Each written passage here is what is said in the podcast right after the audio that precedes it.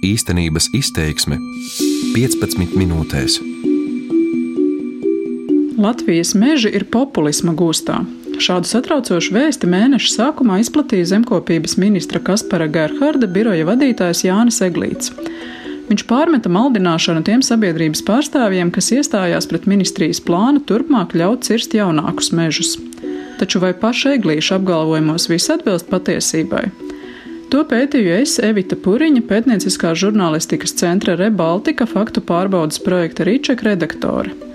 Runāšu arī par politiķu mītiem un maldiem, strauji mainot alkohola akcijas nodokļu politiku un debatējot par izmaiņām krimināla procesa likumā. Sākšu ar stāstu par alkohola akcīzi.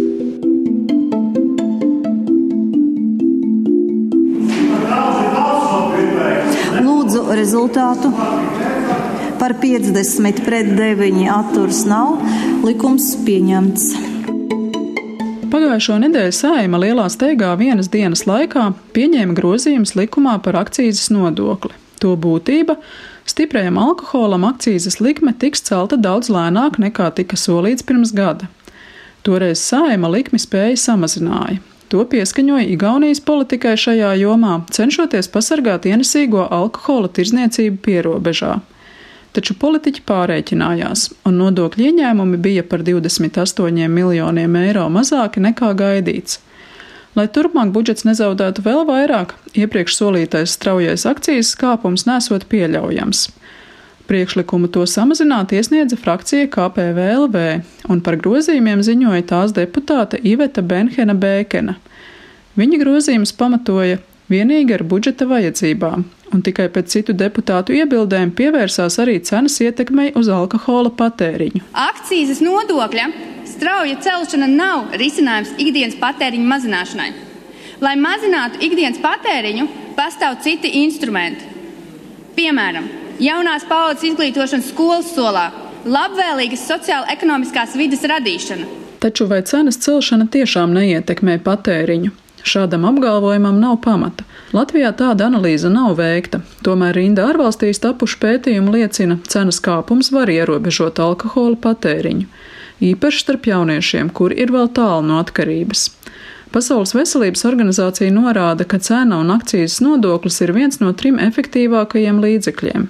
Pārējie divi - grādīgo dzērienu reklāmas un fiziskas pieejamības ierobežošana, piemēram, saīsinot to pārdošanas laiku, Lūdzu Benhenai Bēkenai pamatot apgalvojumu, ka augstāka cena neietekmē izdzertā alkohola daudzumu.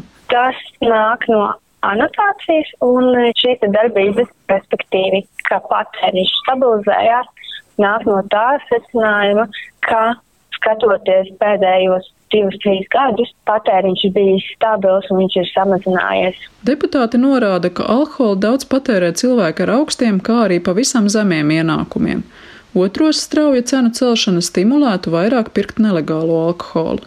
Arī slimību profilakses un kontrolas centra apkopotie dati Benhenas Bēkenes teikto par alkohola patēriņa stabilizēšanos apstiprina tikai daļēji. Ja no kopējā Latvijas teritorijā nopirktā alkohola daudzuma izņem to aptuveno daļu, ko pirkuši ārzemnieki, redzams, ka pēdējos gados pieaugums ir minimāls, lai gan nesamazinās. Tajā pašā laikā izdzertā alkohola daudzums aizvien ir mazāks nekā 2007. gadā, jeb tā saucamo trekno gadu laikā. Taču jāņem vērā, ka patēriņa stabilizēšanās, par ko runā deputāte, notikusi līdz ar būtisku akcijas nodokļu kāpumu. Salīdzinot ar pirmskrīzes laiku, tas pieaudzis gandrīz divas reizes. Nav arī informācijas, ka augot dzērienu cenai veikalos, cilvēki vairāk pērk nelegālo alkoholu.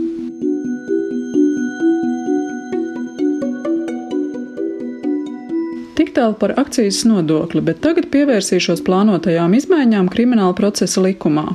Februāra vidū Sājuma otrajā lasījumā atbalstīja krimināla procesa likuma grozījumu projektu. Viens no mērķiem - samazināt tiesvedību ilgumu. Tieslietu ministrija rosina, gadījumos, kad advokāts nevar piedalīties tiesas sēdē, viņam savā vietā jānodrošina cits aizstāvis.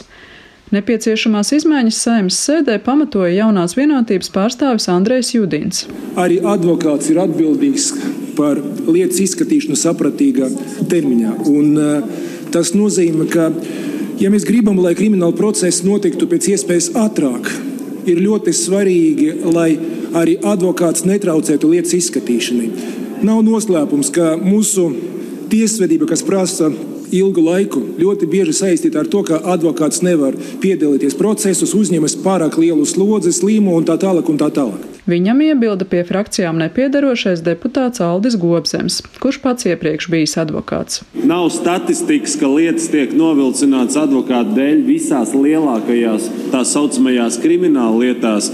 Tā puse, kura tiek apsūdzēta, nekavē lietas izskatīšanas gaitu. Problēma ir kā reizi tajā, ka mums vienkārši krimināla procesuālās normas un krimināla process pats par sevi ir uzbūvēts tāds, kas ļoti pagarina procesu. Vai tiešām advokāti nemēdz apzināti novilcināt lietu izskatīšanu?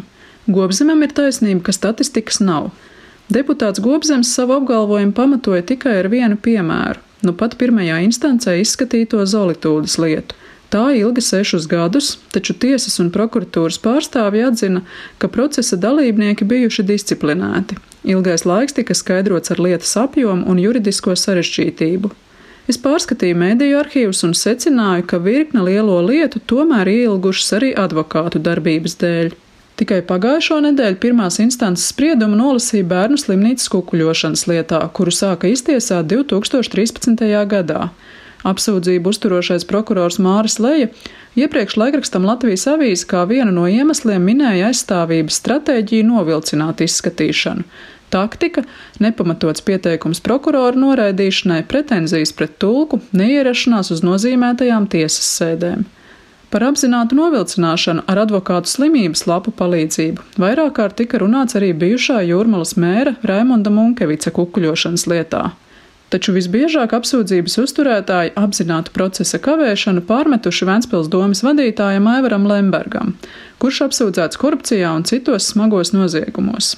Ne jau tiesa pārkāp šo saprātīgo termiņu, pats Aivars Lembergs pārkāp šo saprātīgo termiņu. Tā pirms pāris gadiem Latvijas radio sacīja prokurors Jānis Ilsters. Toreiz Lembergs pārsteidza mēnešiem ilgi lasot savas liecības. Citos procesos tas prasa ne vairāk kā dažas dienas. Citas Lemberga lietā izmantotās metodas, negaidītas prasības papildu liecinieku nopratināšanai, ilgstošā procedūrā notikusi advokātu maiņa, arī slimošanas. Pirms pāris gadiem ilgo izskatīšanu krimināla lietās pētīja Latvijas televīzijas raidījums aizliegtais paņēmiens. Tas secināja, ka slimības lapas advokātiem ir izplatītākais veids, kā tiek panākta sēžu pārcelšana arī apsūdzēto slimošana, advokātu komandējumi un aizņemtība citos tiesu procesos. Kāpēc aizstāvības puse tā mēdz darīt? Likums ļauj tiesai mīkstināt sodu vai pat to nepiemērot, ja nav ievērotas apsūdzēto tiesības uz lietas pabeigšanu saprātīgā termiņā. Tas nozīmē, ka lietas ilgāka izskatīšana apsūdzētajiem var būt arī izdevīga. Secinājums - Gobzemam nav gluži taisnība, ka advokāti nevilcina lietu izskatīšanu, un vaina ir tikai procesa uzbūvē.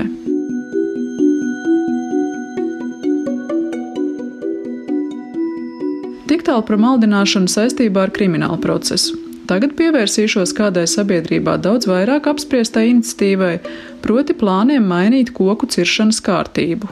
Zemkopības ministrija ar koku rūpnieku atbalstu ir atsākusi cīņu par noteikumiem, kas ļautu cirst jaunākus mežus. Mazliet palaboti grozījumi ministrijas dienas kārtībā atkal parādījās pērnā gada vasarā.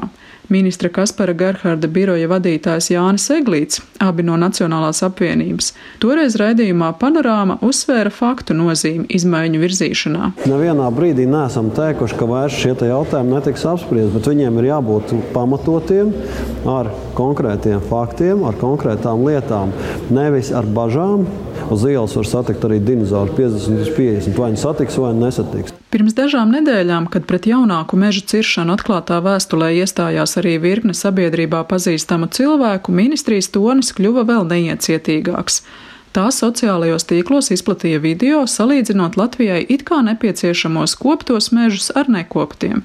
Pretī saņēma sašutumu un ironijas vilni. Cilvēki norādīja, ka tieši par nekoptiem mežiem nosauktie ir mūsu bagātība, jo dod mājas daudzajām augu un dzīvnieku sugām. Ministrija neveiksmīgo video no sociālajiem tīkliem izņēma. Nedaudz vēlāk tā izplatīja Eglīša paziņojumu ar virsrakstu Latvijas meži populisma gūstā. Vēl skarbākā tonī tajā dabas aizsardzības organizācijām pārmeta biedēšanu un sabiedrības maldināšanu.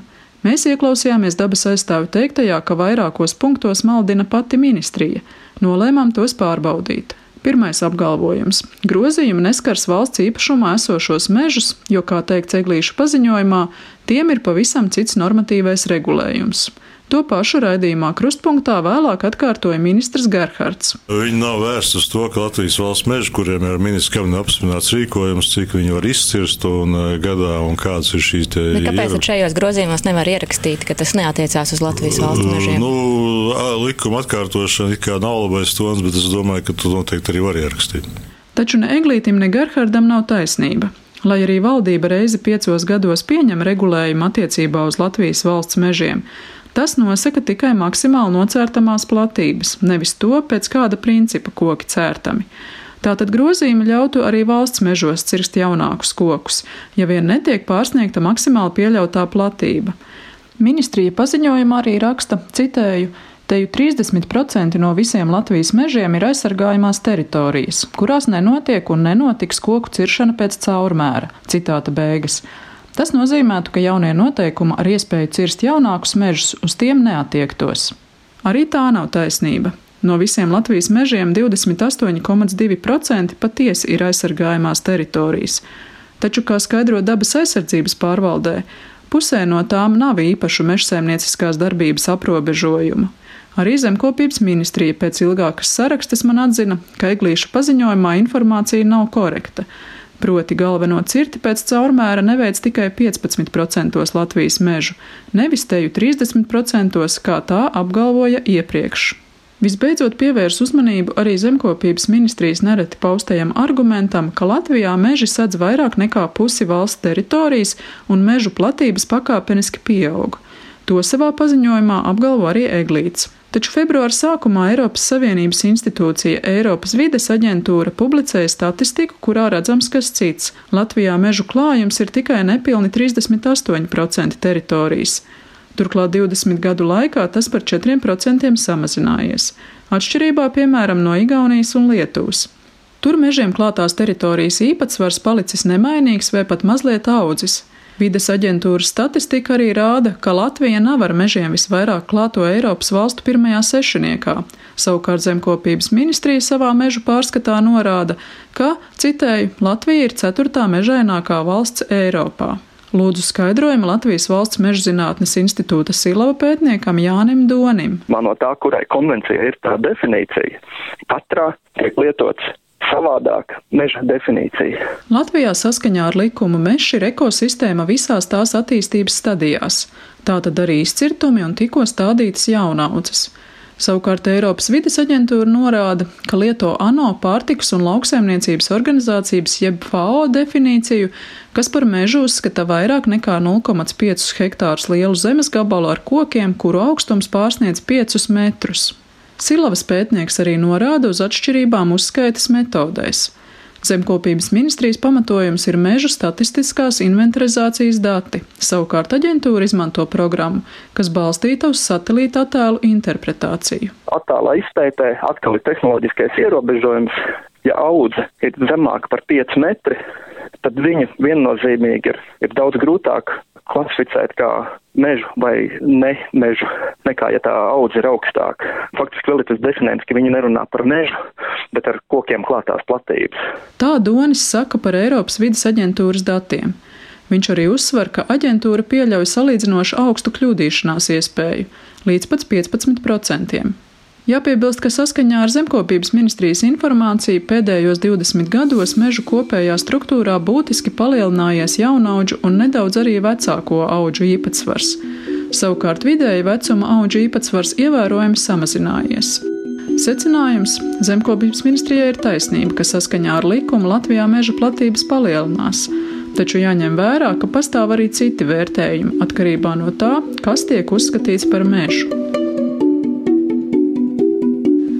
Arī izskan raidījums īstenības izteiksme, ko šodien gatavoju es, pētnieciskā žurnālistikas centra Rebaltika faktu pārbaudas projekta Ričeka redaktore Evita Puriņa speciāli Latvijas radio. Īstenības izteiksme 15 minūtēs.